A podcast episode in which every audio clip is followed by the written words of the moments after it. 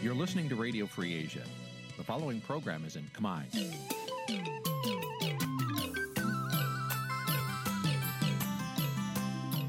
នេះជាកម្មវិធីផ្សាយ Vuthu Azizi Serai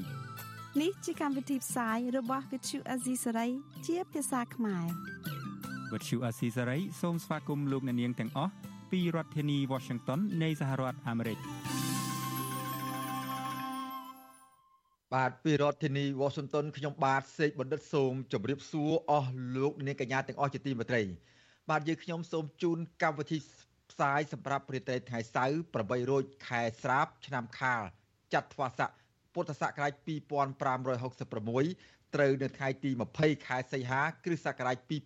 2022បាទជាដំបូងនេះសូមអញ្ជើញអស់លោកនាងស្ដាប់ព័ត៌មានប្រចាំថ្ងៃដែលមានមេតិការដូចតទៅ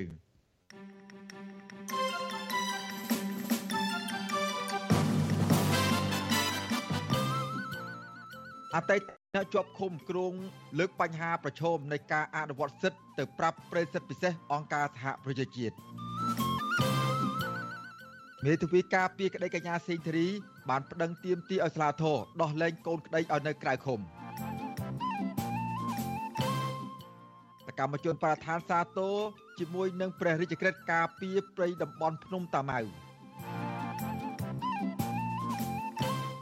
ក្រុមហ៊ុន Nagavel បើកឲ្យកោតកតវ៉ានៅខាងមុខក្រុមហ៊ុន តែបដិសេធមិនផ្ដល់ដំណោះស្រាយរួមនឹងព័ត៌មានផ្សេងផ្សេងមួយចំនួនទៀតបាទជាបន្តទៅទៀតនេះខ្ញុំបាទសេកបណ្ឌិតសូមជូនព័ត៌មានពិស្ដាបាទលោកនាងកញ្ញាជាទីមេត្រីអតីតអ្នកជាប់ឃុំនិងការពារសិទ្ធិមនុស្សនិងកម្មករគ្រងជួបប្រេសិទ្ធពិសេសរបស់អង្គការសហប្រជាជាតិនៅសប្តាហ៍ក្រោយនេះ ដើម្បីលើកឡើងពីកង្វល់របស់ពួកគេស្ដីពីការរំលោភសិទ្ធិមនុស្សនៅកម្ពុជាទោះយ៉ាងណាមន្ត្រីរដ្ឋាភិបាលយល់ថាអ្វីដែលអតីតអ្នកជាប់ឃុំនិងមន្ត្រីសង្គមស៊ីវិលគ្រងលើកឡើងនោះគឺមិនឆ្លុះបញ្ចាំងពីទស្សនវិជ្ជាទូទៅរបស់កម្ពុជានោះទេ បាទពីរដ្ឋធានី Washington លោកយុនសមៀនរាយការណ៍ជុំវិញព័ត៌មាននេះ គម្រោងជួបជុំរបស់អតីតអ្នកជាប់ឃុំនិងអ្នកការពារសិទ្ធិមនុស្សនិងកម្មករជាមួយប្រិយសិទ្ធិពិសេសអង្គការសហប្រជាជាតិនៅពេលខាងមុខនេះជាការស្នើរបស់លោកវិទិតមុនតាបនដើម្បីស្វែងយល់ពីស្ថានភាពសិទ្ធិមនុស្សនៅរយៈពេលចុងក្រោយនេះក្រុមអ្នកតស៊ូមតិរំពឹងថាជំនួបនោះនឹងផ្ដល់ប្រយោជន៍ក្នុងការធ្វើរបាយការណ៍របស់ប្រិយសិទ្ធិពិសេសអង្គការសហប្រជាជាតិដែលជាការជំរុញទៅរដ្ឋាភិបាលឲ្យបើកលំហសេរីភាពនិងគោរពសិទ្ធិពលរដ្ឋឡើងវិញ។ ទីប្រឹក្សាសមាគមគ្រូបង្រៀនកម្ពុជាឯករាជ្យនិងជាប្រធានសហភាពសហជីពកម្ពុជាលោករងឈុនប្រាប់វិទ្យុអស៊ីសេរីដឹងថាអ្នករាយការណ៍ពិសេសអង្គការសហប្រជាជាតិអញ្ជើញលោកទៅជួបនៅថ្ងៃទី22ខែសីហាខាងមុខនេះលោករងឈុនបន្តថាលោកគ្រូងលើករណីជាក់ស្ដែងដែលកើតនៅកម្ពុជាតាក់ទងសេរីភាពពលរដ្ឋសិទ្ធិមនុស្សនិងលទ្ធិប្រជាធិបតេយ្យ លោករងឈុនដែលតុលាការដោះលែងឲ្យនៅក្រៅឃុំបណ្ដោះអាសន្នក្រោយជាប់ពន្ធនាគាររយៈពេល1ឆ្នាំពាក់ព័ន្ធសំណុំរឿងបញ្ហាព្រំដែននោះថាលោកនឹងមិនលើកយកសំណុំរឿងរបស់លោកជាប្រធានបទសំខាន់នៃការជជែកជាមួយអ្នករាយការណ៍ពិសេសអង្គការសហប្រជាជាតិនោះទេលោកថាលោកនឹងយកពេលវេលាដ៏មានតម្លៃនេះជំរុញឲ្យមានការគោរពសិទ្ធិមនុស្សនៅកម្ពុជាវិញ។ ខ្ញុំមិនទាន់អាចលើកឡើងពេកនៅពេលដែលខ្ញុំជួបគាត់ហើយបានខ្ញុំថាត្រូវការលើកឡើងអីអានឹងបានលើកតែខ្ញុំអត់ទាន់ជួបផងនេះគឺនិយាយជាគោលថាបាទដូចខ្ញុំបានជម្រាបហើយថាយើងនឹងនិយាយតត្តភាពនៅក្នុងសង្គមដូចជាបញ្ហាសេរីភាពការគោរពសិទ្ធិមនុស្សនិងលទ្ធិប្រជាធិបតេយ្យនេះបាទហើយជាពិសេសជាពិសេសគឺសេរីភាពអសជីពសមាគមនឹងបាទ ដូចគ្នានេះដែរអតីតអ្នកជាប់ឃុំម្នាក់ទៀតគឺប្រធានសមាគមនិស្សិតបញ្ញវន្តខ្មែរលោកកើតសរាយដែលកំពុងស្ថិតក្រោមការត្រួតពិនិត្យតាមផ្លូវតុលាការឲ្យដឹងថាលោកនិងយុវជនធ្វើការសង្គមផ្សេងផ្សេងទៀតដែលធ្លាប់ជាប់ពន្ធនាគារគ្រងជួបប្រិយសិទ្ធិពិសេសអង្គការសហប្រជាជាតិនៅថ្ងៃទី24ខែសីហាខាងមុខនេះដែរ លោកកើតសរាយថាលោកនឹងស្នើទៅអង្គការសហប្រជាជាតិតាមរយៈលោកវិទិតមុនតបនឲ្យអន្តរាគមទៅរដ្ឋាភិបាលកម្ពុជាឲ្យស្ដារលទ្ធិប្រជាធិបតេយ្យឡើងវិញ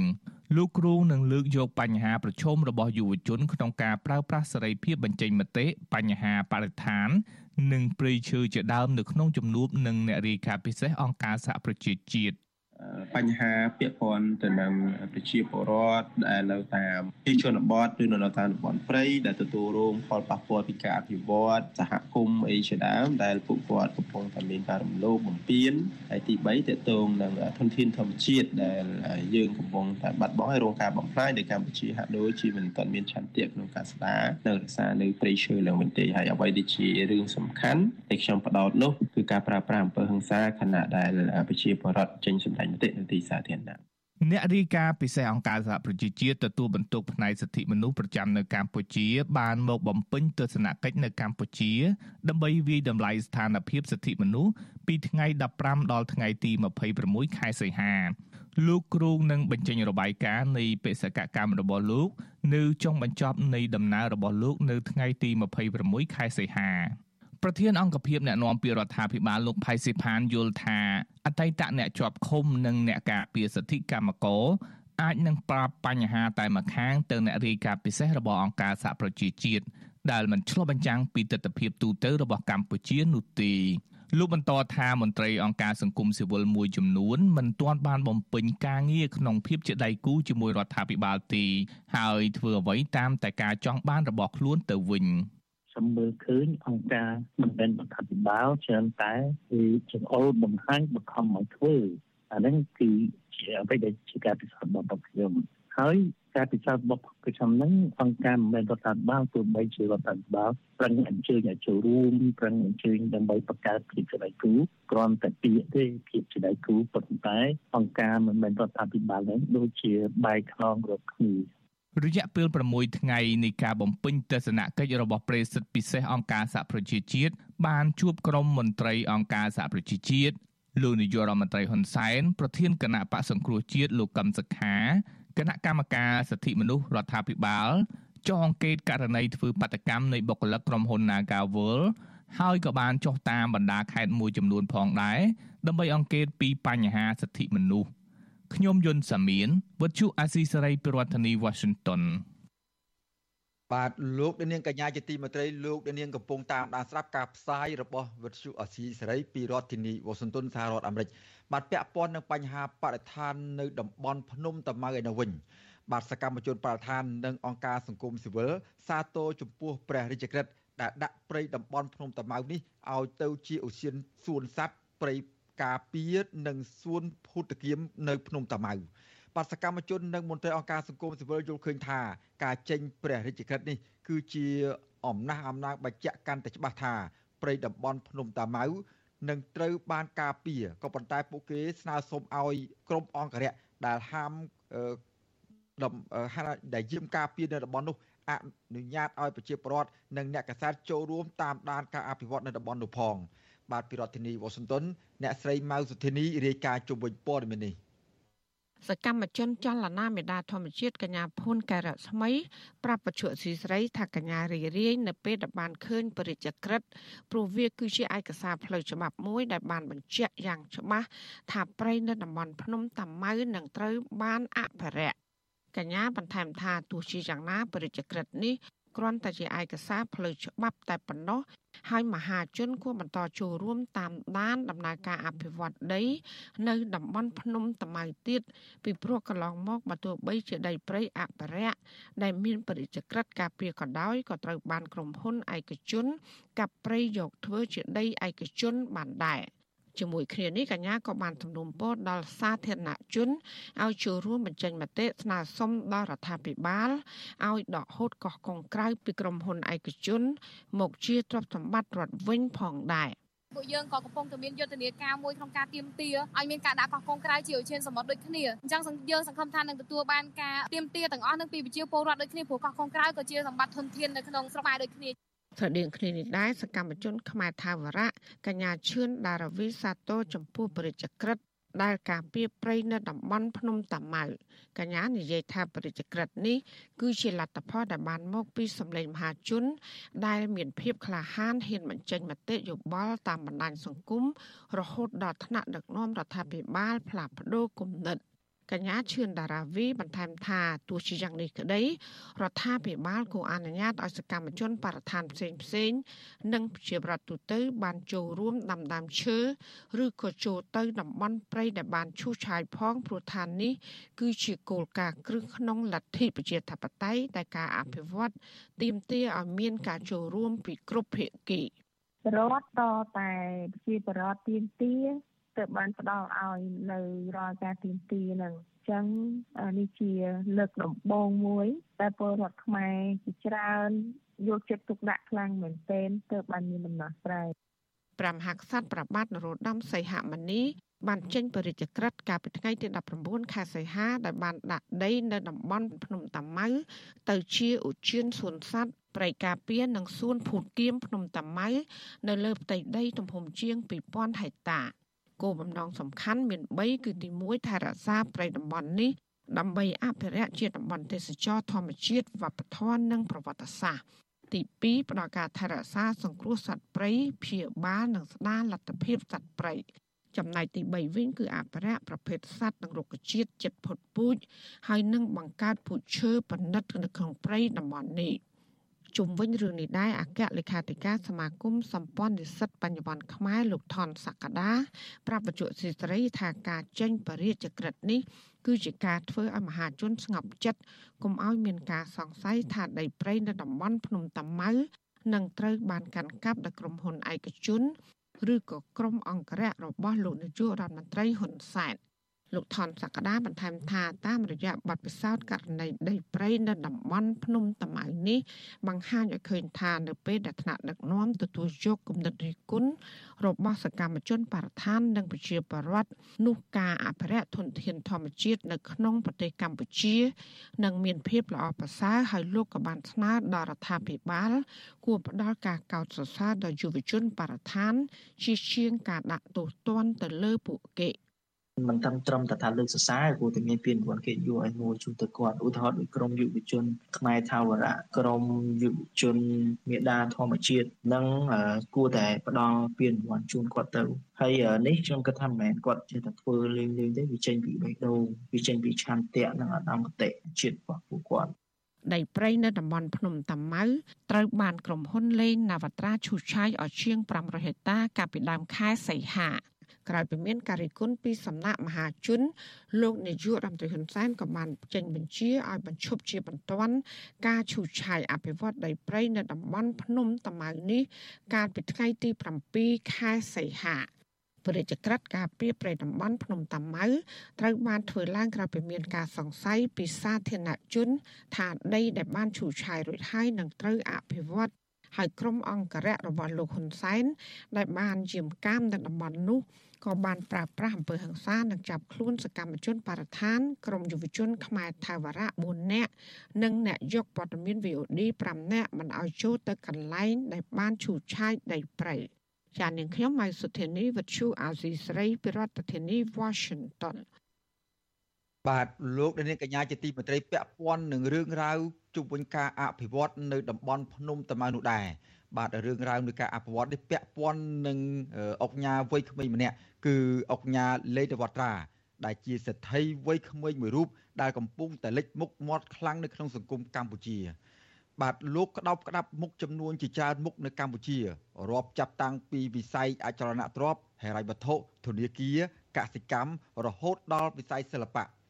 បាទជាពិសេសលោកបានផ្ដល់លុយឲ្យរដ្ឋាភិបាលលោកហ៊ុនសែនរាប់លានដុល្លារក្នុងរយៈពេលប្រមាណឆ្នាំចុងក្រោយនេះបាទតើលេងនវត្រាមានប្រវត្តិយ៉ាងណា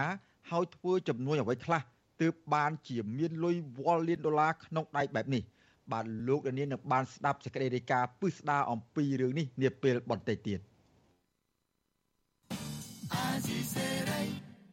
បាទលោកនាងកញ្ញាជាទីមេត្រីក្រមអង្គការលើកកម្ពស់សេរីភាពសារព័ត៌មានសិទ្ធិមនុស្សនិងអង្គការសង្គមស៊ីវិលថ្កោលទោសចំពោះការខាត់ខ្លួន និងការប្រើហិង្សាលើអ្នកសារព័ត៌មាននិងសកម្មជននៅភ្នំតាម៉ៅកាលពីពេលថ្មីថ្មីនេះបាទសេចក្តីប្រកាសព័ត៌មានរួមកាលពីថ្ងៃទី19សីហា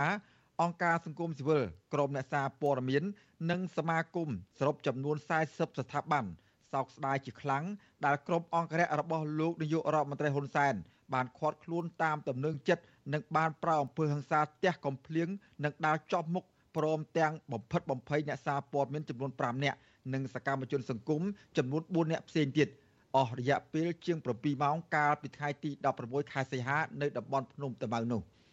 បាទអង្គការសង្គមស៊ីវិលអាជ្ញាធរបានប្រាប់អ្នកថតវីដេអូម្នាក់របស់ VOD គឺលោកហ៊ីឆាយ ដែលរងការទះកំភ្លៀងនិងដកហូតទូរស័ព្ទពីកងអង្គរៈថាពួកគេមិនអាចថតរូបថតវីដេអូនិងបង្ហោះដ្រូនដើម្បីថតរូបនៅភ្នំតាម៉ៅបានឡើយដោយសារតែរូបភាពនិងវីដេអូទាំងនោះនឹងយកទៅប្រើប្រាស់ដើម្បីផ្សព្វផ្សាយព័ត៌មានមិនពិតបាទការចោទប្រកាន់និងការប្រើអំពើហិង្សាទាំងនេះ មិនសមហេតុសមផលនោះឡើយដូច្នេះអង្គការសង្គមស៊ីវិលស្នើសុំឲ្យមានការស៊ើបអង្កេតដោយឥតលំអៀង ដើម្បីរកជនល្មើសយកមកផ្ដន់ទោសតាមច្បាប់និងផ្ដល់យុត្តិធម៌សម្រាប់ជនរងគ្រោះបាទសេចក្តីប្រកាសព័ត៌មានបន្តថាសារព័ត៌មាន និងសកម្មជនសង្គមមានសិទ្ធិចងក្រងឯកសារនិងត្រួតពិនិត្យដោយសេរីអំពីការបំផ្លិចបំផ្លាញធនធានធម្មជាតិបរិស្ថាន និងការរំលោភសិទ្ធិមនុស្សព្រមទាំងការបញ្ចេញមតិជាសាធារណៈដែលជាសិទ្ធិបានការពារដោយរដ្ឋធម្មនុញ្ញរបស់កម្ពុជា និងច្បាប់ស្តីពីសិទ្ធិមនុស្សអន្តរជាតិ បាត់បន្ថែមពីលើនេះទៀតក្រមអង្គការសង្គមស៊ីវិលនិងក្រមអ្នកកាសែតឯករាជ្យក៏បានស្នើយ៉ាងទទូចដល់អាជ្ញាធរឲ្យគោរពច្បាប់ស្តីពីការបាទសូមឲ្យគោរពច្បាប់ស្តីពីសារព័ត៌មានរដ្ឋធម្មនុញ្ញច្បាប់ជាតិនិងអន្តរជាតិទាំងអស់ដែលធានាសិទ្ធិសេរីភាពនៃការបញ្ចេញមតិនិងសិទ្ធិរបស់អ្នកសារព័ត៌មាននិងអ្នកការពារសិទ្ធិមនុស្សដើម្បីចងក្រងឯកសារនិងផ្សព្វផ្សាយជាសាធារណៈនៅសកម្មភាពរបស់រដ្ឋនិងបម្រើសង្គម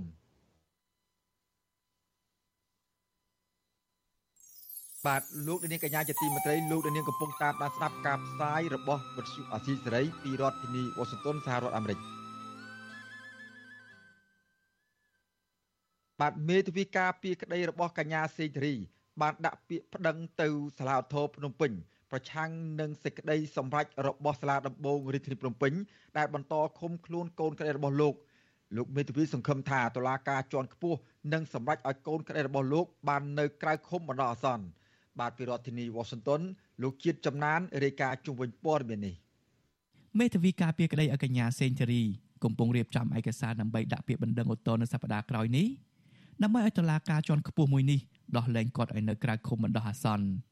ការត្រៀមដាក់បណ្ដឹងនេះគឺបន្ទាប់ពីលោកបានសួរសុខទុក្ខកញ្ញានៅឯពន្ធនាគារខេត្តព្រះវិហារកាលពីថ្ងៃទី15ខែសីហាហើយកញ្ញាបានប្រគល់សិទ្ធិជូនលោក មេធាវីការពារក្តីឲ្យកញ្ញាសេងធីរីគឺលោកជួងជូងីប្រាប់វិសុអាស៊ីសេរីនៅរសៀលថ្ងៃទី20ខែសីហាថានៅសប្តាហ៍ក្រោយនេះលោកនឹងដាក់លិខិតស្នើសុំទៅក្រសួងមហាផ្ទៃដើម្បីបញ្ជូនកញ្ញាពីពន្ធនាគារខេត្តព្រះវិហារមកមណ្ឌលកែប្រែទី2រាជធានីភ្នំពេញវិញនិងដាក់បណ្ដឹងអូតូដើម្បីស្នើឲ្យដោះលែងកញ្ញាឲ្យមានសេរីភាពដូចដើមវិញព្រោះកូនក្តីរបស់លោកមិនមានកំហុសដោយការចោទប្រកាន់របស់តុលាការថ្នាក់ក្រោមនោះឡើយ សេចក្តីសម្រេចរបស់សាលាដំបូងរាជធានីភ្នំពេញអត់តន់ចូលជាស្ថាប័ននៅឡើយទេដូច្នេះវាអត់តន់មានអំណាចអនុវត្តនៅឡើយទេដោយហេតុថាកញ្ញាសេងចន្ទធីរីបានប្រគល់សិទ្ធិឲ្យខ្ញុំបដូរទៅរួចហើយដូច្នេះសេចក្តីសម្រេចពាក់ព័ន្ធនឹងគាត់នឹងអត់តន់ស្ថាប័ននៅឡើយទេចាំណាអត់តន់ស្ថាប័នអត់តន់អាចយកទៅអនុវត្តបានទេអញ្ចឹងការដែលសាលាដំបូងរាជធានីភ្នំពេញចាប់គាត់ដាក់ពន្ធនាគារហ្នឹងមិនមែនជាការត្រឹមត្រូវទេកាលពីថ្ងៃទី18ខែសីហា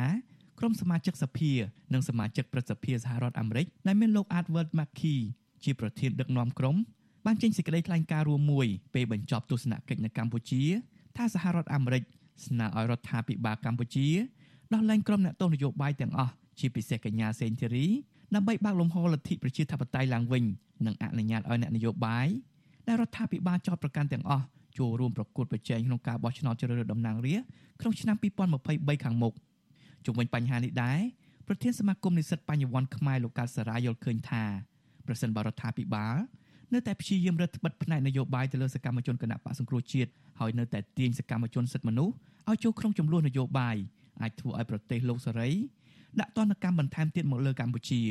លោកបន្ថែមថានៅពេលដែលកម្ពុជារងទណ្ឌកម្មសេដ្ឋកិច្ចកាន់តែធ្ងន់នោះបន្ទាត់ភាពក្រីក្ររបស់កម្ពុជាដែលមានស្រាប់នឹងកាន់តែដុនដាបជាងនេះទៅទៀត នៅតែបន្តការចាប់ខ្លួនរដ្ឋបិទសិទ្ធិសេរីភាពមនុស្សបន្តទៀតនេះបើសិនជាមិនមានការប្រែប្រួលទេកម្ពុជានឹងជួបនៅឧបសគ្គច្រើនហើយដូចជាយើងមើលឃើញថ្មីថ្មីនេះ GSP របស់សហរដ្ឋអាមេរិកដែលផ្ដល់ជូនមកដល់កម្ពុជាសម្រាប់ប្រទេសដែលកំពុងស្ថិតនៅក្នុងការអភិវឌ្ឍគឺមិនទាន់មានសញ្ញាណាមួយដែលអាមេរិកបានព្រមផ្ដល់ឲ្យតទៅទៀតទេ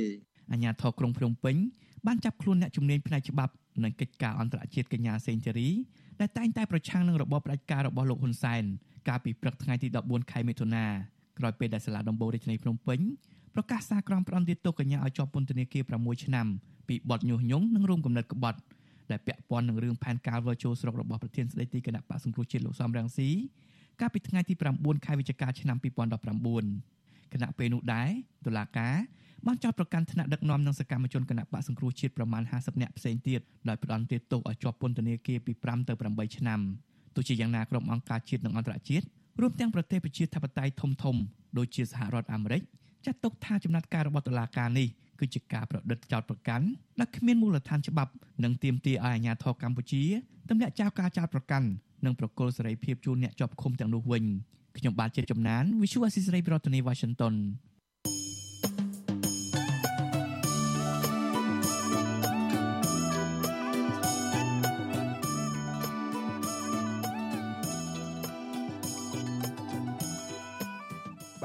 លោកនាងកញ្ញាជាទីមេត្រីលោកនាងកំពុងតាមដានស្ដាប់ការផ្សាយរបស់វិទ្យុអសីសេរីពីរដ្ឋធានី Washington សហរដ្ឋអាមេរិកបាទក្រៅពីលោកនាងតាមដានស្ដាប់ការផ្សាយរបស់យើងខ្ញុំតាមរយៈរលកធារកាសអឺ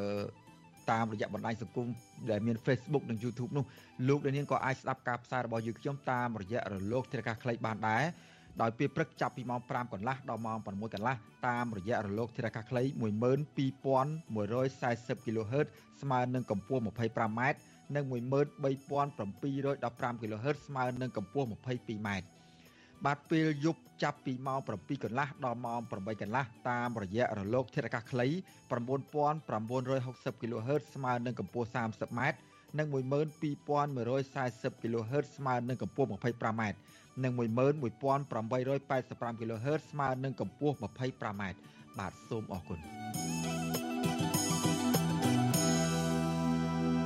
បាទលោកនាងកញ្ញាជាទីមេត្រីឥឡូវនេះយើងមកក៏លេចមើលបញ្ហារបស់គឧតកោ Nagawal វិញម្ដង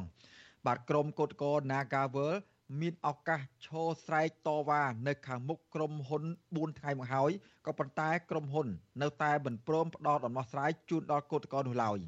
បាទក្រុមគឧតកោយល់ឃើញថាមូលហេតុដែលក្រុមហ៊ុនមិនអាចដោះស្រាយវិវាទការងារនេះព្រោះតែរដ្ឋាភិបាលឈរនៅភាគីខាងក្រុមហ៊ុន ដោយមិនខ្វល់អំពីការអនុវត្តច្បាប់ និងទុកលំបាករបស់ក្រុមកោតក្រនោះឡើយបាទពីរដ្ឋធានីវ៉ាស៊ីនតោនលោក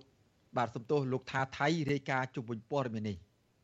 អាញាធរដ្ឋាភិបាលនិងក្រុមហ៊ុន Casino NagaWorld បានបើកឲ្យក្រុមកោតតកឈរតវ៉ានៅខាងមុខក្រុមហ៊ុនបនលបែងដ៏ធំកណ្ដាលទីក្រុងភ្នំពេញមួយនេះ4ថ្ងៃហើយបន្ទាប់ពីអ្នករាយការណ៍ពិសេសអង្គការសហប្រជាជាតិទទួលបន្ទុកសិទ្ធិមនុស្សប្រចាំកម្ពុជា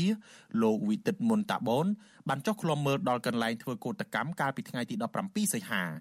ស្ថានភាពតវ៉ានៅថ្ងៃទី20ខែសីហាក្រុមគឧតកោនាំគ្នាឈរជាជួរមុខក្រុមហ៊ុន ដោយស្រែកតវ៉ាផ្លុំត្រែនិងវាយឧបករណ៍បំពងសម្លេងកងរំពងនិងកាន់បដាជាច្រើនដែលសរសេរថា Nagawal កុំយកលុយទិញសិទ្ធទម្លាក់ប័ណ្ណចោតលើថ្នាក់ដឹកនាំនិងសមាជិកសហជីពហើយទទួលយកពួកគេចូលធ្វើការវិញព្រមទាំងបដាថាការទៀមទាសិទ្ធិការងារមិនមែនជាបទឧក្រិដ្ឋនោះទេពួកគេក៏ចាក់ចម្រៀងដែលមានខ្លឹមសាររួបរวมសាមគ្គីគ្នាផងដែរ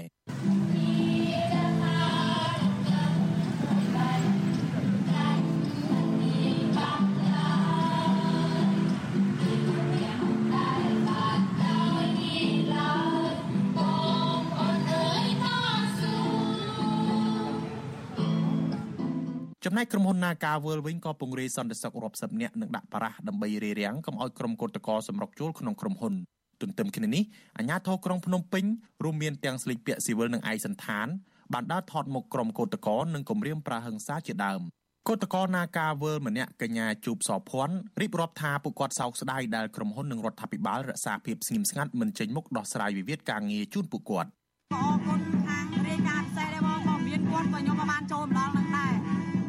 ស្ថាប័នអាជ្ញាធរអីគាត់ធ្វើបាបបុកទុំនឹងរាល់ថ្ងៃ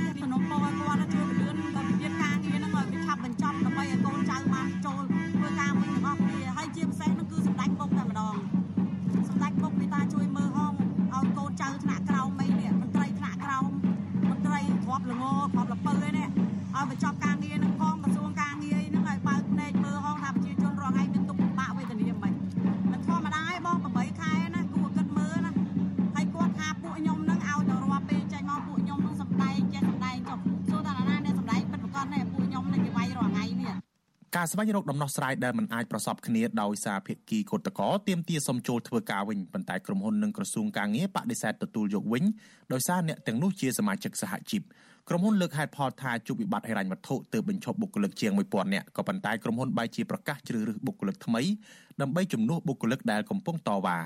គឧតកោចាត់ទុកថាចេតនារបស់ក្រុមហ៊ុនដែលមិនព្រមទទួលយកពួកគាត់ចូលធ្វើការងារវិញនេះ ព្រោះចង់លុបបំបាត់ចលនាសហជីពឯករាជ្យដែលងាយស្រួលសម្រាប់ក្រុមហ៊ុននៅថ្ងៃក្រោយមិនចាំបាច់ឈឺក្បាលវិលមុខចំពោះការទាមទារអត្ថប្រយោជន៍ផ្សេងផ្សេងរបស់បុគ្គលិកហើយក្រុមហ៊ុនអាចកេងប្រវ័ញ្ចកម្លាំងពលកម្មនិងធ្វើអ្វីអ្វីស្រេចតែចិត្តគណៈករណាការវល់ម្នាក់ទៀតលោកស្រីសែមសុគាថ្លែងថាការប្រើគ្រប់វិធីរបស់អាជ្ញាធរនិងក្រុមហ៊ុនដើម្បីធ្វើទុកបុកម្នេញនិងរារាំងក្រុមគឧតកោបែបណាក៏ដោយក៏មិនអាចបញ្ឈប់ការតស៊ូទាមទារយុត្តិធម៌របស់ពួកគាត់បានឡើយលោកស្រីបន្ថែមថាប៉ុន្មានថ្ងៃនេះ អាញាធមមិនប្រើហិង្សាបំបែកពួកគាត់ទំនងជាដោយសារអ្នករាយការណ៍ពិសេសអង្គការសហប្រជាជាតិកំពុងមានវត្តមាននៅកម្ពុជាសំណូមពរដល់សម្ដេចពុកឲ្យគាត់ជួយដោះស្រាយវិវាទការងារនេះផងហើយនឹងសំណូមពរឲ្យខាងសន្តិសុខនាការអីអស់ហ្នឹងគឺពួកគាត់កុំធ្វើបាបកតកពេកពួកពួកយើងសុទ្ធតែខ្មែរដូចគ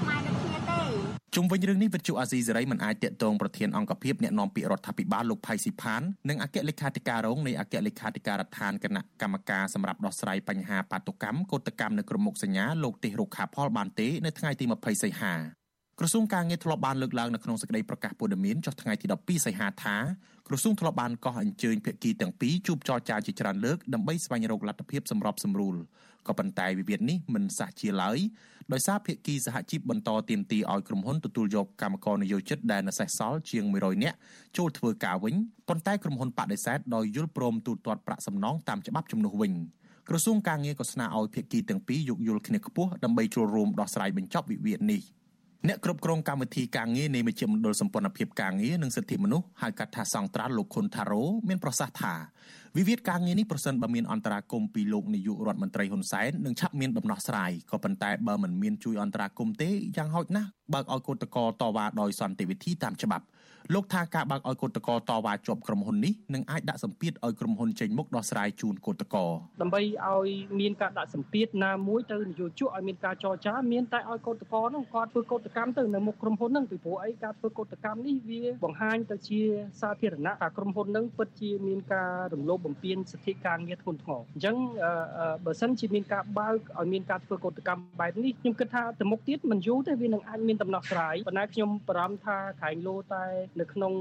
វត្តមាននៃអ្នករាយការណ៍ពិសេសរបស់អង្គការសហជីវជាតិកំឡុងពេលដែលធ្វើការវិយតម្លៃទៅលើស្ថានភាពសិទ្ធិមនុស្សនៅក្នុងប្រទេសកម្ពុជានាពេលបច្ចុប្បន្ននេះរយៈពេល8ខែមកនេះការតស៊ូធ្វើកោតកម្មអហិង្សារបស់កោតក្រ Nagawal មិនត្រឹមតែគ្មានដំណោះស្រាយនោះទេ ថែមទាំងទទួលរងនឹងការរំលោភសិទ្ធិការចាត់ប្រកាន់តាមផ្លូវតុលាការការប្រើប្រាស់ហិង្សាវេដំទាត់ធាក់រហូតស្ត្រីខ្លះបែកមុខបែកមាត់និងស្ត្រីម្នាក់រលូតកូនក្នុងផ្ទៃ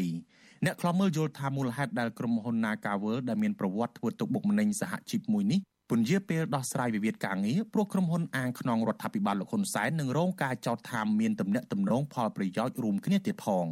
ក្រុមគឧតកោលើកឡើងថាវិវាទការងារនេះ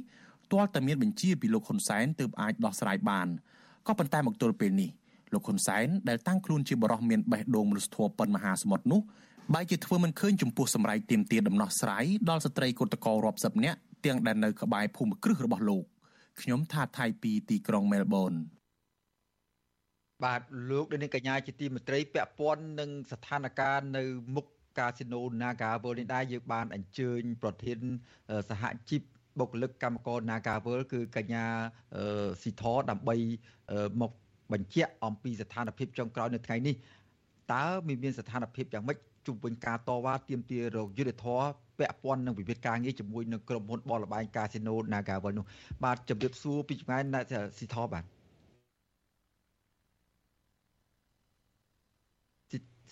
បាទស៊ីធសុំសុំបើកម៉ៃផងខ្ញុំអត់ឮសំឡេងបាទ បាទសូមសូមបើកម៉ៃផងខ្ញុំអត់តន់ឮសំឡេងស៊ីធបាទ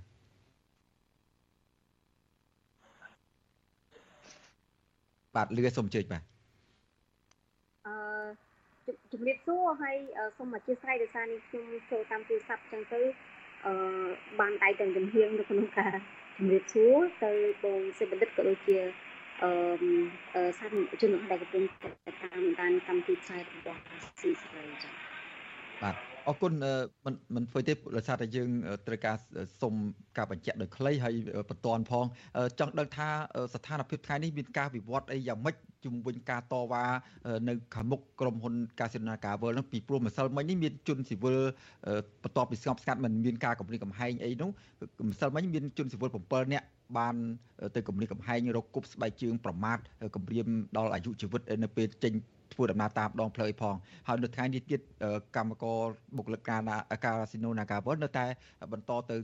ឈោកូតកម្មដល់ខាងមុខនោះបន្តទៀតតើថ្ងៃចុងក្រោយនេះមានបញ្ហាវិវាទអីខ្លះដែរទៀតនៅជុំវិញការតវ៉ារោគយុទ្ធធននេះបាទ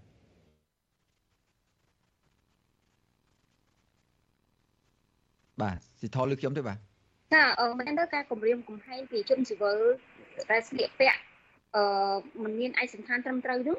គឺមិនមែនជាលើកទី1ទេហើយមិនសឹងមិញយើងឃើញថាកម្មករនិយោជិតគាត់បានថតបានវីដេអូមួយដែលមើលបង្ហាញថាជនស៊ីវិលទាំងអស់ហ្នឹងត្រូវបានអញ្ជើញឲ្យចូលទៅក្នុងក្រុមហ៊ុន Nagawer ដោយសន្តិសុខរបស់ក្រុមហ៊ុនហើយយកអត់ដឹងថាតើតើការអញ្ជើញឲ្យចូលទៅក្នុងក្រុមហ៊ុន Nagawer ហៅជនស៊ីវិលទាំងអស់ដែលយើងសង្កេតឃើញថាពួកគាត់គឺតែងតែសកម្មនៅក្នុងការគម្រាមកំហែងក៏ដូចជាការប្រើអំពើហិង្សាទៅលើបងប្អូនកម្មករដែលកំពុងធ្វើការតវ៉ាហ្នឹង ចូលទៅក្នុងក្រុមហ៊ុន Nagawen ដើម្បីធ្វើអីទេហើយឥឡូវនេះគឺយើងអាចអាចឃើញលទ្ធផលហើយនៅក្នុងការហៅចូលទៅក្នុងក្រុមហ៊ុនហ្នឹងដើម្បីអីថ្ងៃនេះយើងឃើញមានការគម្រាមកំហែងអឺទៅលើបងប្អូនដែលចេញធ្វើកោតកម្មហើយទៅឈរនៅមុខក្រុមហ៊ុន Nagawen នឹងអញ្ចឹងអឺចម្លើយដែលពួកយើងសួរមិនសឹកមិញ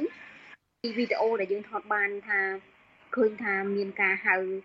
ជនស៊ីវិលចូលទៅក្នុងក្រុមហ៊ុន Nagawer ដើម្បីធ្វើអីនេះគឺថា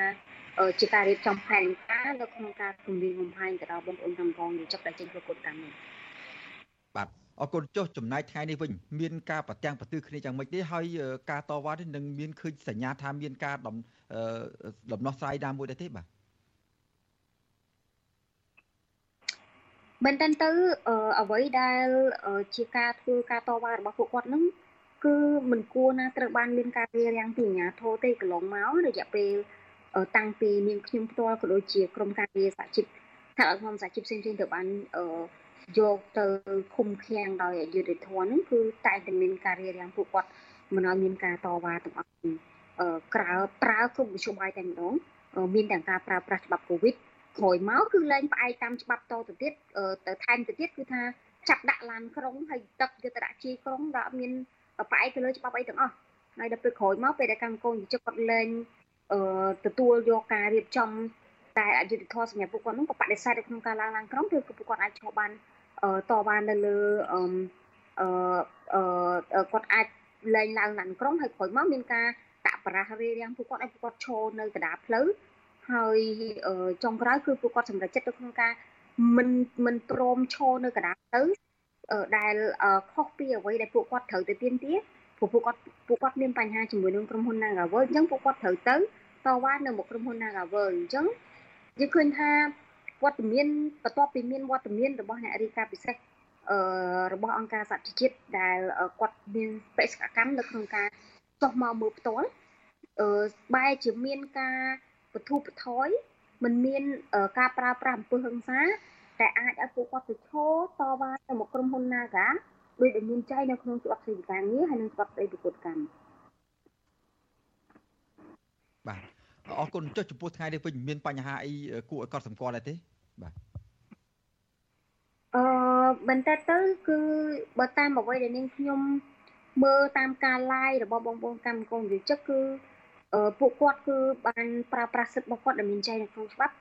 តាមរយៈការចូលតវ៉ានៅមុខប្របរបងក្រុមហ៊ុនហើយនៅក្នុងបរិវេណក្រុមហ៊ុន ដែលអនុញ្ញាតឲ្យពួកគាត់អាចតវ៉ាបានទៅតាមសិទ្ធិដែលមានចែងនៅក្នុងច្បាប់របស់ពួកគាត់នឹងអញ្ចឹងយើងឃើញថាពួកគាត់អាចទៅឈរនៅ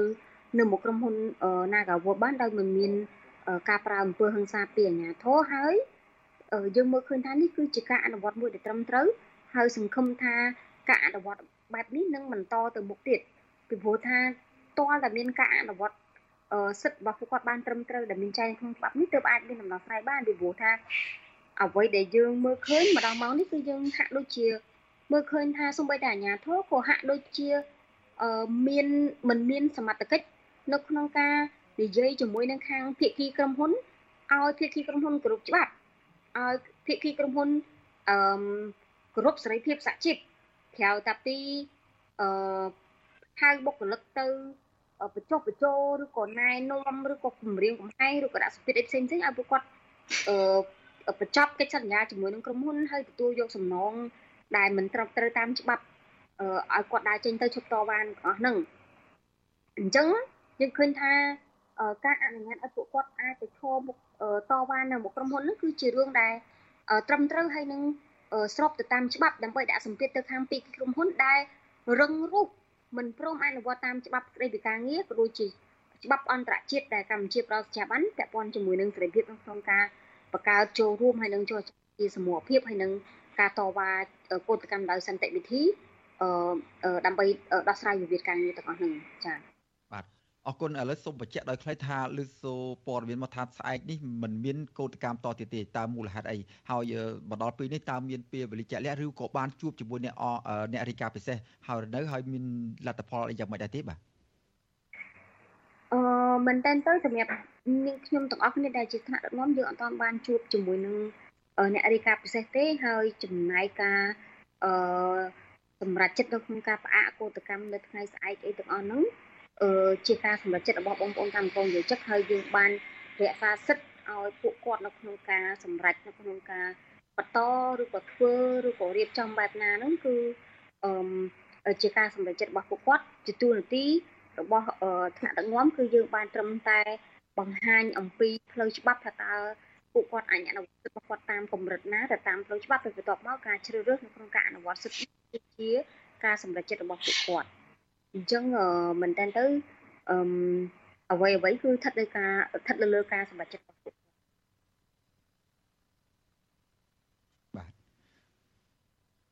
បាទអរគុណអញ្ចឹងយើងនឹងតាមដានមើលតទៅទៀតតើស្ថានភាពនៃការធ្វើកោតកម្មទាមទារសិទ្ធិនិងដោះស្រាយវិវាទនេះនឹងវិវត្តទៅយ៉ាងណាដូចទៀតសូមអរគុណសិទ្ធរដែលចំណាយពេលវេលាផ្ដល់បទសភាដល់យើងខ្ញុំនៅពេលនេះហើយជម្រាបលាទៅប៉ុណ្ណេះសិនបាទ ចាអរគុណអរគុណច្រើនជម្រាបលាជម្រាបលាបាទលោកនាងកញ្ញាជាទីមេត្រីលោកនាងកំពុងតាមដានស្ដាប់ការផ្សាយរបស់វិទ្យុអស៊ីសេរីពីរដ្ឋធានីវ៉ាស៊ីនតោនសហរដ្ឋអាមេរិកបាទសេចក្តីរាយការណ៍បន្តទៀតនេះយើងនឹងលើកយកអំពីជីវប្រវត្តិសង្ខេបរបស់អុកញ៉ាវ័យក្មេងមួយរូបគឺអុកញ៉ាលេងនវត្រាបាទអុកញ៉ាលេងនវត្រាគឺជាសិទ្ធិវ័យក្មេងមួយរូបដែលកំពុងលេចមុខមាត់ខ្លាំងនៅក្នុងសង្គមកម្ពុជា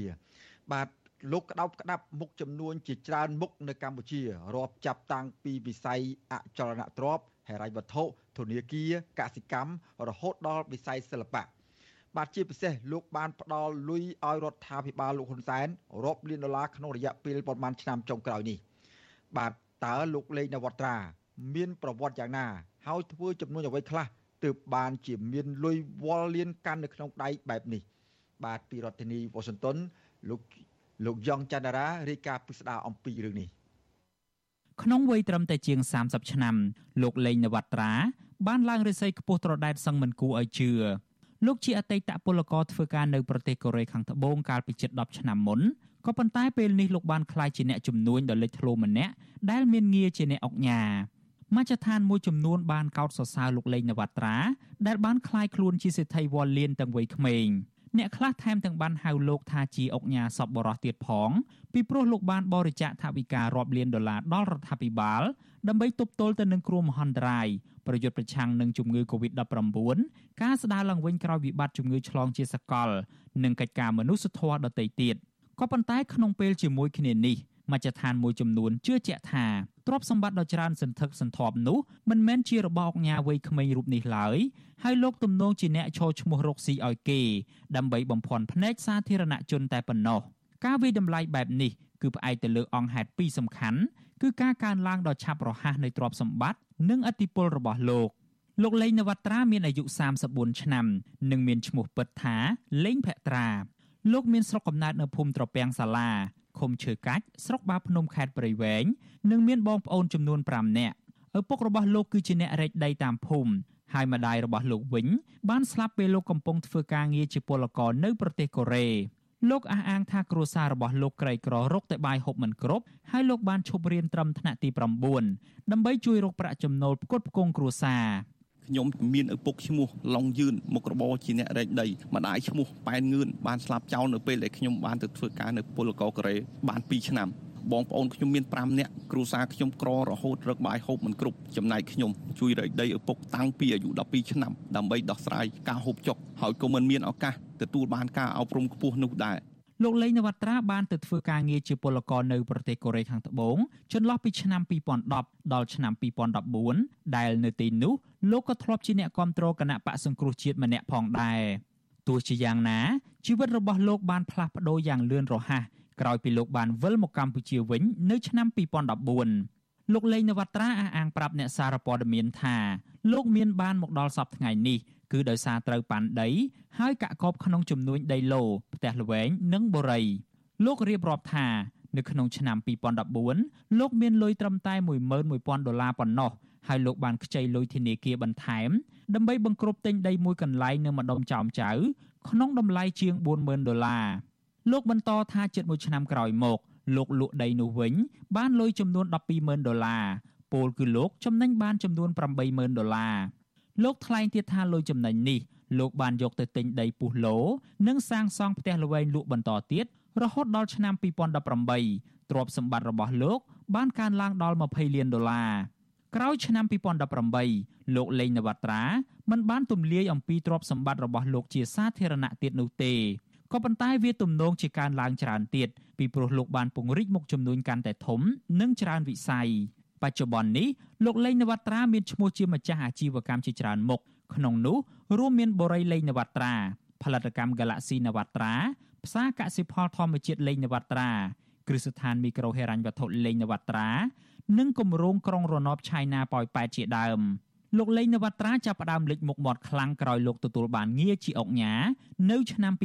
2018និងជាអ្នកអុកញ៉ានៅឆ្នាំ2021លោកមានរថយន្តទំនើបម៉ាកល្បីៗប្រមាណ10គ្រឿងដូចជា Rolls-Royce, Lamborghini, Porsche និង Bentley ព្រមទាំងឧទ្ធម្ភាគចក្រផ្ទាល់ខ្លួនមួយគ្រឿងទៀតដែលសរុបជាទឹកប្រាក់រាប់សិបលានដុល្លារសារព័ត៌មានក្នុងស្រុកមួយចំនួន បាននាំគ្នាបង្កើតមេតិការព័ត៌មានពិសេសដោយឡែកផ្ដោតទៅលើជីវិតហឺហាមុខជំនួញនិងសកម្មភាពមនុស្សធម៌របស់លោកលេងនវត្រាជាមួយគ្នានេះចំនួនដីធ្លីនិងអចលនទ្រព្យរបស់លោក បានរីកសាយភាយស្ទើរគ្រប់រាជធានីខេត្តជាពិសេសគម្រោងដីឡូនិងបូរីងាកទៅផលិតកម្មចម្រៀង Galaxy ដែលលោកបានបង្កើតឡើងកាលពីឆ្នាំ2016នោះវិញផលិតកម្មថ្មីថ្មោងមួយនេះ បានស្រូបយកអ្នកចម្រៀងលំដាប់ជួរមុខជាច្រើនអ្នកក្នុងនោះមានទាំងលោកព្រាបសវັດម្នាក់ផងដែររីឯបុគ្គលល្បីៗមួយចំនួនទៀតក៏បាននាំគ្នាមកបណ្ដាក់ទុនរកស៊ីជាមួយលោកលេងនវត្រាផងដែរជាងនេះទៅទៀតបងប្អូនរបស់លោកចំនួន3នាក់បានទទួលងារជាអង្គញាព្រមព្រមគ្នានៅខែមករាឆ្នាំ2021ហើយមួយខែក្រោយមកទៀតក្មួយប្រសាររបស់លោកម្នាក់ក៏បានក្លាយជាអ្នកអង្គញាផងដែរគិតជាសរុបគ្រួសាររបស់លោកលេងនវត្រានៅពេលនេះ មានងារជាអ្នកអង្គញានិងអង្គញាចំនួន5នាក់ហើយអ្វីដែលសាធារណជនចាប់អារម្មណ៍ខ្លាំងបំផុតចំពោះលោកលេងនវត្រានោះគឺការបរិច្ចាគលុយម្ដងរាប់លានដុល្លារគិតដោយត្រួសត្រាសក្នុងរយៈពេលជាង2ឆ្នាំចុងក្រោយនេះលោកលេងនវត្រាបានបរិច្ចាគលុយតិចបំផុតចំនួនជិត15លានដុល្លារ ក្នុងនោះប្រមាណ10លានដុល្លារសម្រាប់រដ្ឋាភិបាលលោកហ៊ុនសែនជិត4លានដុល្លារសម្រាប់កាកបាទក្រហមកម្ពុជាដឹកនាំដោយអ្នកស្រីប៊ុនរ៉ានីហ៊ុនសែននិងជិតកន្លះលានដុល្លារទៀតសម្រាប់ក្រុមគ្រូពេទ្យស្ម័គ្រចិត្តរបស់ភរិយាលោកហ៊ុនម៉ាណែតនេះមិនទាន់រាប់បញ្ចូលលុយរាប់សែនដុល្លារផ្សេងទៀតដែលលោកបានបរិច្ចាគនៅមុនឆ្នាំ2020ព្រមទាំងលុយដែលលោកបរិច្ចាគទៅកាន់មន្ទីរពេទ្យគុណធបុប្ផានិងការងារមនុស្សធម៌មួយចំនួនទៀតនៅឡើយទេនៅក្នុងរយៈពេលដូចគ្នានេះ គេមិនឃើញមានអុកញ៉ាឬឈ្មួញធំធំណាម្នាក់បរិច្ចាគលុយដល់រដ្ឋាភិបាលលោកហ៊ុនសែនច្រើនជាងលោកលេងនវត្រានោះទេសូម្បីតែមហាសិទ្ធិលំដាប់កំពូលនៅកម្ពុជាដូចជាលោកកឹតមេងជាដើមនោះក៏បរិច្ចាគតែជាងនេះដែរម្យ៉ាងវិញទៀតលោកលេងនវត្រាច្រើនតែដឹកមុខគេនៅក្នុងការប្រកាសបរិច្ចាគទៅកាន់រដ្ឋាភិបាលលោកហ៊ុនសែនជាពិសេសទៅទៀតនោះលុយបរិច្ចាគប្រមាណ6លានដុល្លារលោកផ្ដល់ឲ្យជាសាច់ប្រាក់សុទ្ធ គឺក្រដាស់100ដុល្លារកោទាំងដុំទាំងដុំអនុប្រធានគណៈបកសង្គ្រោះជាតិលោកអេងឆៃអៀងដែលធ្លាប់ធ្វើជាតំណាងរាជចំនួន3អាណត្តិនោះមានប្រសាសន៍ថាវាមិនអាចទៅរួចឡើយដែលពលករមួយរូបคล้ายខ្លួនជាសេដ្ឋី លីបែបនេះលោកថ្លែងថាមុខចំនួនផ្នែកអចលនទ្រព្យនិងដីធ្លី មានអង្គការនិងអ្នកចំនួនជាច្រើនទៀតរកស៊ីមុនលោកលេងនវត្រាទៅទៀតខណៈផលិតកម្មចម្រៀងវិញមិនទំនងជាអាចផ្ដល់ប្រាក់ លោកអេងឆៃអៀងជឿជាក់ថាក្នុងបរិបទប្រទេសកម្ពុជាដែលសម្បូរដោយអំពើពុករលួយ និងការធ្វើជំនួញមិនសុចរិតនោះលោកលេងនវត្រាអាចគ្រាន់តែជាបុគ្គលដើរតួរកស៊ីជំនួសឲ្យអ្នកផ្សេងដែលជននោះទំនងជាមនុស្សមានអំណាចបំផុតនៅស្រុកខ្មែរគឺគ្រួសាររបស់លោកនាយរដ្ឋមន្ត្រីហ៊ុនសែនបើសិនជាអ្នកនឹងគាត់ រកបានដោយស្រួលដោយអត់មានអីហ្នឹងច្បាស់ជាអ្នករស់ស៊ីតិចទៀតហ្នឹងគេត្រូវខ្លំមើលឲ្យព្រោះធម្មតាអ្នកដែលគ្មានលហកនឹងវាអត់មានបង្អែកវាអត់មានពាក់ព័ន្ធជាមួយគ្រួសារលហ៊ុនសែនទេច្បាស់ជាអ្នកនឹងក៏លំបាកដែរណាអានេះបើយើងនិយាយស្រុកខ្មែរណាទោះបីគាត់ចង់រៀបចំជិតឆាបបែបម៉េចក៏គេមិនអាចជឿបានទេបើចង់ឲ្យគេជឿបានតើគាត់ដាក់ខ្លួនឲ្យគេធ្វើការស៊ើបអង្កេតឲ្យឯករាជ្យទៅឲ្យដឹងថាតើប្រពន្ធពិតគាត់មកពីណាពីណីណា ចំណែកស្ថាបនិកចលនាមេដាធម្មជាតិលោក Alejandro Gonzalez Davidson វិញលោកថ្លែងថាមុខជំនួញរបស់លោកលេងនវត្រាមានចំណុចមិនប្រក្រតីនិងគួរឲ្យសង្ស័យច្រើនលោកថាទីមួយក្រុមហ៊ុននេះជាក្រុមហ៊ុនក្នុងស្រុកនឹងធ្វើជំនួញតែនៅក្នុងប្រទេសកម្ពុជាប៉ុន្តែបែរជាមានលុយវ៉ាលានដុល្លារខណៈពលរដ្ឋខ្មែរជាច្រើនមានជីវភាពក្រីក្រ ជាពិសេសទៅទៀតក្នុងពេលដែលកម្ពុជារងផលប៉ះពាល់ខ្លាំងដោយសារវិបត្តិជំងឺ Covid-19 លោកលេងនវត្រាបែរជាមានលទ្ធភាពផ្ដល់លុយដល់រដ្ឋាភិបាលរាប់លានដុល្លារទៅវិញលោកជឿជាក់ថាលោកលេងនវត្រាប្រកាសជាកំពុងឈរឈ្មោះរកស៊ីនិងលៀងលុយកខ្វក់ឲ្យអ្នកមានអំណាចកំពូលនៅកម្ពុជា ដែលគ្មានអ្នកណាផ្សេងក្រៅពីគ្រួសារលោកហ៊ុនសែនឡើយ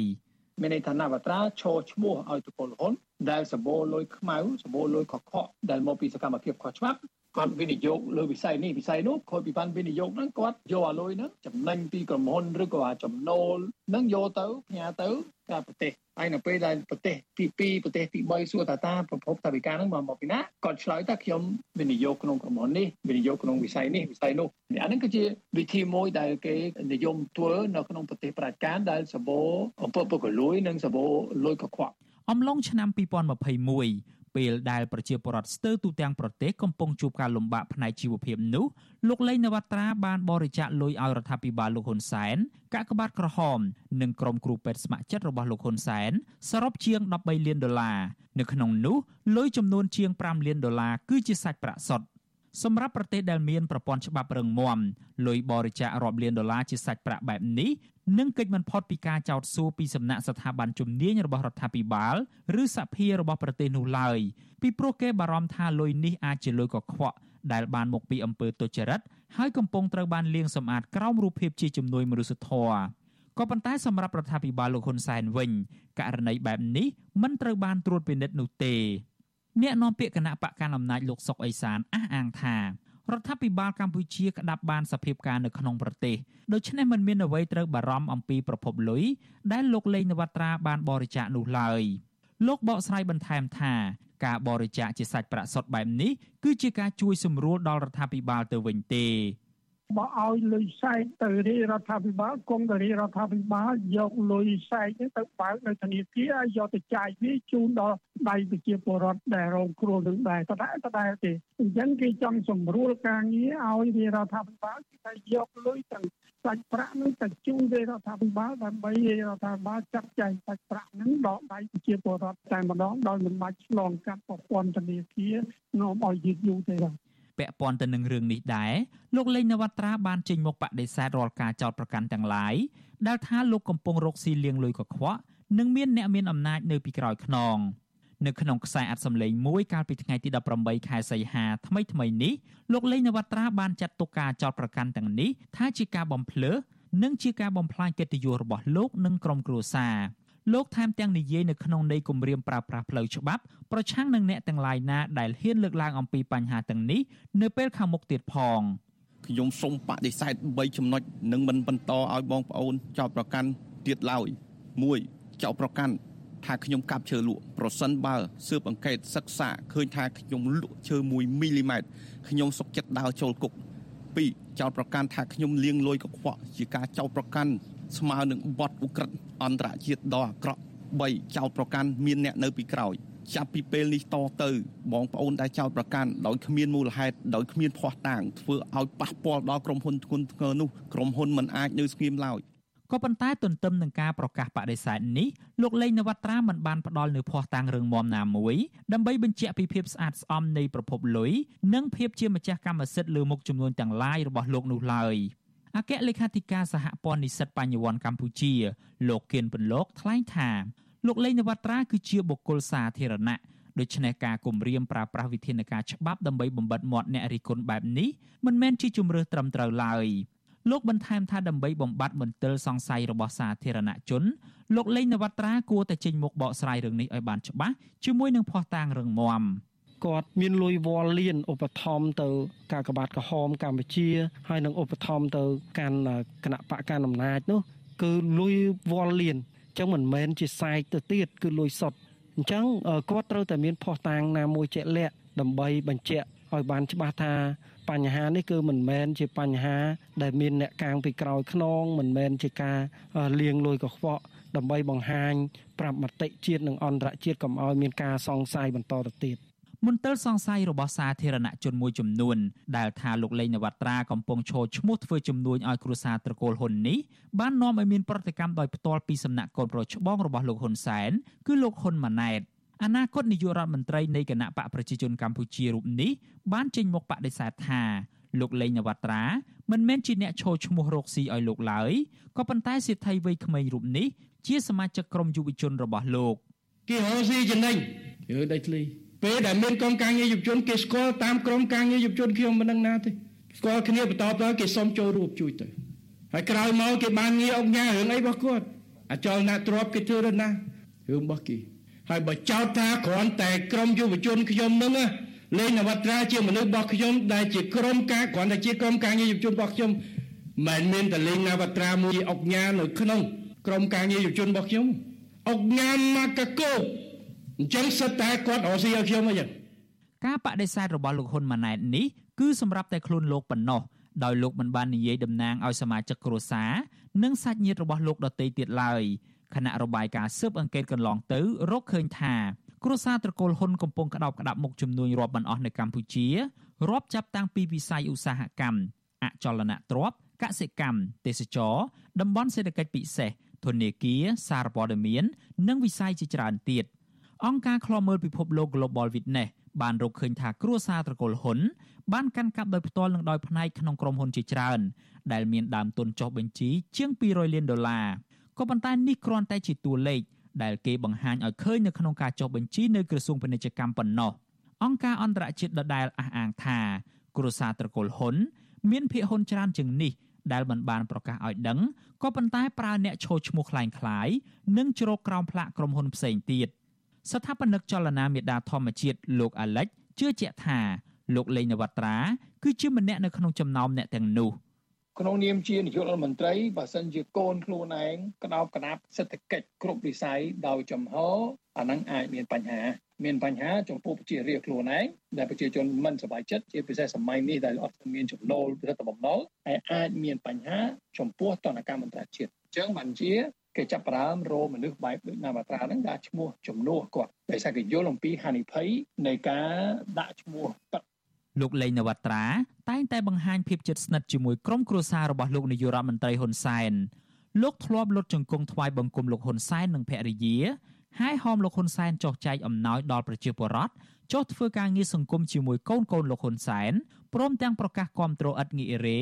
ចំពោះការដឹកនាំរបស់លោកហ៊ុនសែនទៀតផង។ រីឯលោកហ៊ុនសែនវិញលោកធ្លាប់បានលើកសរសើរលោកលេងនវត្រាជាសាធារណៈជាច្រើនដង ស្របពេលមង្គលការប្អូនស្រីរបស់លោកលេងនវត្រាក៏មានវត្តមានរបស់លោកហ៊ុនម៉ាណែតនិងមន្ត្រីក្រាក់ក្រាក់មួយចំនួនទៀតចូលរួមជាភ្ញៀវកិត្តិយសផងដែរទំនងជាដោយសារភាពជិតស្និទ្ធជាមួយគ្រួសារលោកហ៊ុនសែននេះហើយទើបបានជាលោកលេងនវត្រាទទួលបាននូវការគោរពនិងសម្របសម្រួលពីមន្ត្រីរដ្ឋាភិបាលកងកម្លាំងប្រដាប់អាវុធ និងអាជ្ញាធរមូលដ្ឋាន នៅពេលដែលលោកចោះធ្វើសកម្មភាពអ្វីមួយ ទាំងការធ្វើជំនួយនឹងកិច្ចការមនុស្សធម៌ជាងនេះទៅទៀតកាលពីឆ្នាំ2021លោកហ៊ុនសែនបានកាត់ដីគម្របព្រៃឈើចំនួន172ហិកតា នៅស្រុកបន្ទាយស្រីខេត្តសៀមរាបដើម្បីផ្ដល់ជាកម្មសិទ្ធិទៅឲ្យលោកលេងនវត្រាក្រោយមកទៀតលោកហ៊ុនសែនបានសម្រេចកាត់ជ្រៀលដីមួយចំណែកធំ នៅតំបន់ភ្នំតាម៉ៅទៅឲ្យក្រុមហ៊ុនលោកលេងនវត្រាថែមទៀត ករណីភ្នំតាម៉ៅនេះបើគុំតែមានប្រតិកម្មភ្លុកទឹកភ្លុកដីពីសាធារណជនទេពុំនោះសោតលោកហ៊ុនសែនប្រកាសជាមិនលុបចោលគម្រោងនេះវិញទេម្យ៉ាងវិញទៀតលោកហ៊ុនសែនមិនត្រឹមតែគ្មានចំណាត់ការទៅលើក្រុមហ៊ុនលេងនវត្រាដែលបានឈូសកំទេចព្រៃភ្នំតាម៉ៅអស់រាប់រយហិកតានោះទេប៉ុន្តែលោកថែមទាំងចេញមុខពាំងឲ្យក្រុមហ៊ុននេះថែមទៀតផងគេនៅមិនទាន់ដឹងថាតើលោកហ៊ុនសែន នឹងមានគម្រោងកាត់ដីរដ្ឋនៅទីតាំងណាខ្លះទៀតទៅឲ្យក្រុមហ៊ុនលោកលេងនវត្រានោះទេក្រោយពីគម្រោងកាត់ជ្រៀលដីភ្នំតាម៉ៅនេះត្រូវទទួលបរាជ័យទោះជាយ៉ាងណាសេណារីយ៉ូមួយដែលអ្នកការពារភោគទ្របជាតិមន្ត្រីអង្គការសង្គមស៊ីវិលនិងពលរដ្ឋមួយចំនួនកំពុងប្រួយបារម្ភនោះគឺថាប្រសិនបើលោកលេងនវត្រាជាអ្នកឈរឈ្មោះរកស៊ីឲ្យគ្រួសារលោកហ៊ុនសែនមែននោះទ្រព្យសម្បត្តិជាតិជាច្រើនអាចនឹងក្លាយជាទ្រព្យសម្បត្តិឯកជនរបស់គ្រួសារត្រកូលហ៊ុន តាមរយៈការចុះហត្ថលេខាដោយផ្ទាល់ពីលោកហ៊ុនសែនក្នុងនាមជានាយករដ្ឋមន្ត្រីខ្ញុំយ៉ងច័ន្ទដារាវិទ្យុអាស៊ីសេរីរាយការណ៍ពីរដ្ឋធានី Washington បាទលោកនាងកញ្ញាជាទីមេត្រីលោកនាងកំពុងតាមដានស្ដាប់ការផ្សាយរបស់វិទ្យុអាស៊ីសេរីពីរដ្ឋធានីវ៉ាស៊ីនតោនសហរដ្ឋអាមេរិកបាទមេធាវីការពីក្តីរបស់កញ្ញាសេងធារីបានដាក់ពាក្យបណ្ដឹងទៅសាលាធរភ្នំពេញ ប្រឆាំងនឹងសេចក្តីសម្រេចរបស់សាលាដំបងរាជធានីភ្នំពេញ ដែលបន្តឃុំខ្លួនកូនក្តីរបស់លោកលោកមេធាវីសង្ឃឹមថាតុលាការជាន់ខ្ពស់នឹងសម្រេចឲ្យកូនក្តីរបស់លោកបាននៅក្រៅឃុំបណ្ដោះអាសន្នបាទពីរដ្ឋធានីវ៉ាស៊ីនតោនលោកជាតិចំណានរាយការណ៍ជុំវិញព័ត៌មាននេះមេធាវីការពារក្តីឲ្យកញ្ញាសេងធារីកំពុងរៀបចំឯកសារដើម្បីដាក់ពាក្យបណ្ដឹងឧទ្ធរណ៍នៅសប្តាហ៍ក្រោយនេះដើម្បីឲ្យតុលាការជាន់ខ្ពស់មួយនេះដោះលែងគាត់ឲ្យនៅក្រៅឃុំបណ្ដោះអាសន្នការត្រៀមដាក់បណ្ដឹងនេះ គឺបន្ទាប់ពីលោកបានសួរសុខទុក្ខកញ្ញានៅឯពន្ធនាគារខេត្តព្រះវិហារកាលពីថ្ងៃទី15ខែសីហាហើយកញ្ញាបានប្រគល់សិទ្ធិជូនលោកមេធាវីការពារក្តីឲ្យកញ្ញាសេងធីរីគឺលោកជួងជូងីប្រាប់វិសុអាស៊ីសេរីនៅរសៀលថ្ងៃទី20ខែសីហាថានៅសប្តាហ៍ក្រោយនេះលោកនឹងដាក់លិខិតស្នើសុំទៅក្រសួងមហាផ្ទៃដើម្បីបញ្ជូនកញ្ញាពីពន្ធនាគារខេត្តព្រះវិហារមកមណ្ឌលកែប្រែទី2រាជធានីភ្នំពេញវិញនិងដាក់បណ្ដឹងអូតូដើម្បីស្នើឲ្យដោះលែងកញ្ញាឲ្យមានសេរីភាពដូចដើមវិញព្រោះកូនក្តីរបស់លោក មិនមានកំហុសដោយការចោទប្រកាន់របស់តុលាការថ្នាក់ក្រោមនោះឡើយសេចក្តីសម្ដែងរបស់សាលាដំបូងរាជធានីភ្នំពេញអត់តន់ចូលជាស្ថាប័ននៅឡើយទេដូច្នេះវាអត់តន់មានអំណាចអនុវត្តនៅឡើយទេដោយហេតុថាកញ្ញាសេងចន្ទធីរីបានប្រគល់សិទ្ធិឲ្យខ្ញុំបដូរទៅរួចហើយដូច្នេះសេចក្តីសម្ដែងពាក់ព័ន្ធនឹងគាត់នឹងអត់តន់ស្ថាប័ននៅឡើយទេចា៎ណាអត់តន់ស្ថាប័នអត់តន់អាចយកទៅអនុវត្តបានទេអញ្ចឹងការដែលសាលាដំបូងរាជធានីភ្នំពេញចាប់គាត់ដាក់ពន្ធនាគារនឹងមិនមែនជាការត្រឹមត្រូវទេកាលពីថ្ងៃទី18ខែសីហា ក្រុមសមាជិកសភា និងសមាជិកព្រឹទ្ធសភាសហរដ្ឋអាមេរិកដែលមានលោក Edward McKee ជាប្រធានដឹកនាំក្រុមបានចេញសេចក្តីថ្លែងការណ៍រួមមួយពេលបញ្ចប់ទស្សនកិច្ចនៅកម្ពុជា ថាសហរដ្ឋអាមេរិកស្នើឲ្យរដ្ឋាភិបាលកម្ពុជាដោះលែងក្រុមអ្នកទោសនយោបាយទាំងអស់ជាពិសេសកញ្ញាសេងធីរីដើម្បីបើកលំហលទ្ធិប្រជាធិបតេយ្យឡើងវិញនិងអនុញ្ញាតឲ្យអ្នកនយោបាយដែលរដ្ឋាភិបាលចោទប្រកាន់ទាំងអស់ចូលរួមប្រកួតប្រជែងក្នុងការបោះឆ្នោតជ្រើសរើសតំណាងរាស្ត្រក្នុងឆ្នាំ2023ខាងមុខ ជុំវិញបញ្ហានេះដែរប្រធានសមាគមនិស្សិតបញ្ញវន្តខ្មែរលោកកើតសារាយល់ឃើញថាប្រសិនបរដ្ឋាភិបាលនៅតែព្យាយាមរឹតបន្តឹងផ្នែកនយោបាយទៅលើសកម្មជនគណៈបកសង្គ្រោះជាតិហើយនៅតែទាញសកម្មជនសិទ្ធិមនុស្សឲ្យចូលក្នុងចំនួននយោបាយអាចធ្វើឲ្យប្រទេសលោកសេរីដាក់ទណ្ឌកម្មបន្ថែមទៀតមកលើកម្ពុជាលោកបន្ថែមថានៅពេលដែលកម្ពុជារងទណ្ឌកម្មសេដ្ឋកិច្ចកាន់តែធ្ងន់នោះបន្ទាត់ភាពក្រីក្ររបស់កម្ពុជាដែលមានស្រាប់នឹងកាន់តែដុនដាបជាងនេះទៅទៀត នៅតែបន្តការចាប់ខ្លួនរដ្ឋបិទសិទ្ធិសេរីភាពមនុស្សបន្តទៀតនេះបើសិនជាមិនមានការប្រែប្រួលទេកម្ពុជានឹងជួបនៅឧបសគ្គច្រើនហើយដូចជាយើងមើលឃើញថ្មីថ្មីនេះ GSP របស់សហរដ្ឋអាមេរិកដែលផ្ដល់ជូនមកដល់កម្ពុជាសម្រាប់ប្រទេសដែលកំពុងស្ថិតនៅក្នុងការអភិវឌ្ឍគឺមិនទាន់មានសញ្ញាណាមួយដែលអាមេរិកបានព្រមផ្ដល់ឲ្យតទៅទៀតទេអាញាធរក្រុងភ្នំពេញបានចាប់ខ្លួនអ្នកជំនាញផ្នែកច្បាប់និងកិច្ចការអន្តរជាតិកញ្ញាសេងធីរី ដែលតែងតែប្រឆាំងនឹងរបបផ្ដាច់ការរបស់លោកហ៊ុនសែនកាលពីព្រឹកថ្ងៃទី14ខែមិថុនាក្រោយពេលដែលសាលាដំបូងរាជធានីភ្នំពេញប្រកាសសារក្រមផ្ដន្ទាទោសកញ្ញាឲ្យជាប់ពន្ធនាគារ6ឆ្នាំពីបទញុះញង់និងរួមគំនិតក្បត់ដែលពាក់ព័ន្ធនឹងរឿងផែនការវិលចូលស្រុករបស់ប្រធានស្ដីទីគណៈបកសង្គ្រោះជាតិលោកសំរងស៊ីកាលពីថ្ងៃទី9ខែវិច្ឆិកាឆ្នាំ2019គណៈពេលនោះដែរតុលាការ បានចោទប្រកាន់ថ្នាក់ដឹកនាំនិងសកម្មជនគណៈបកសង្គ្រោះជាតិប្រមាណ50នាក់ផ្សេងទៀតដោយផ្ដន្ទាទោសឲ្យជាប់ពន្ធនាគារពី5ទៅ8ឆ្នាំទោះជាយ៉ាងណាក្រុមអង្គការជាតិនិងអន្តរជាតិរួមទាំងប្រទេសប្រជាធិបតេយ្យធំធំដូចជាសហរដ្ឋអាមេរិកចាត់ទុកថាចំណាត់ការរបស់តុលាការនេះគឺជាការប្រឌិតចោតប្រកាន់ដែលគ្មានមូលដ្ឋានច្បាប់និងទាមទារឲ្យអាជ្ញាធរកម្ពុជាទម្លាក់ចោលការចោតប្រកាន់និងប្រកល់សេរីភាពជូនអ្នកជាប់ឃុំទាំងនោះវិញខ្ញុំបាទជាជំនាញ Visual Assisray ប្រធានាទី Washington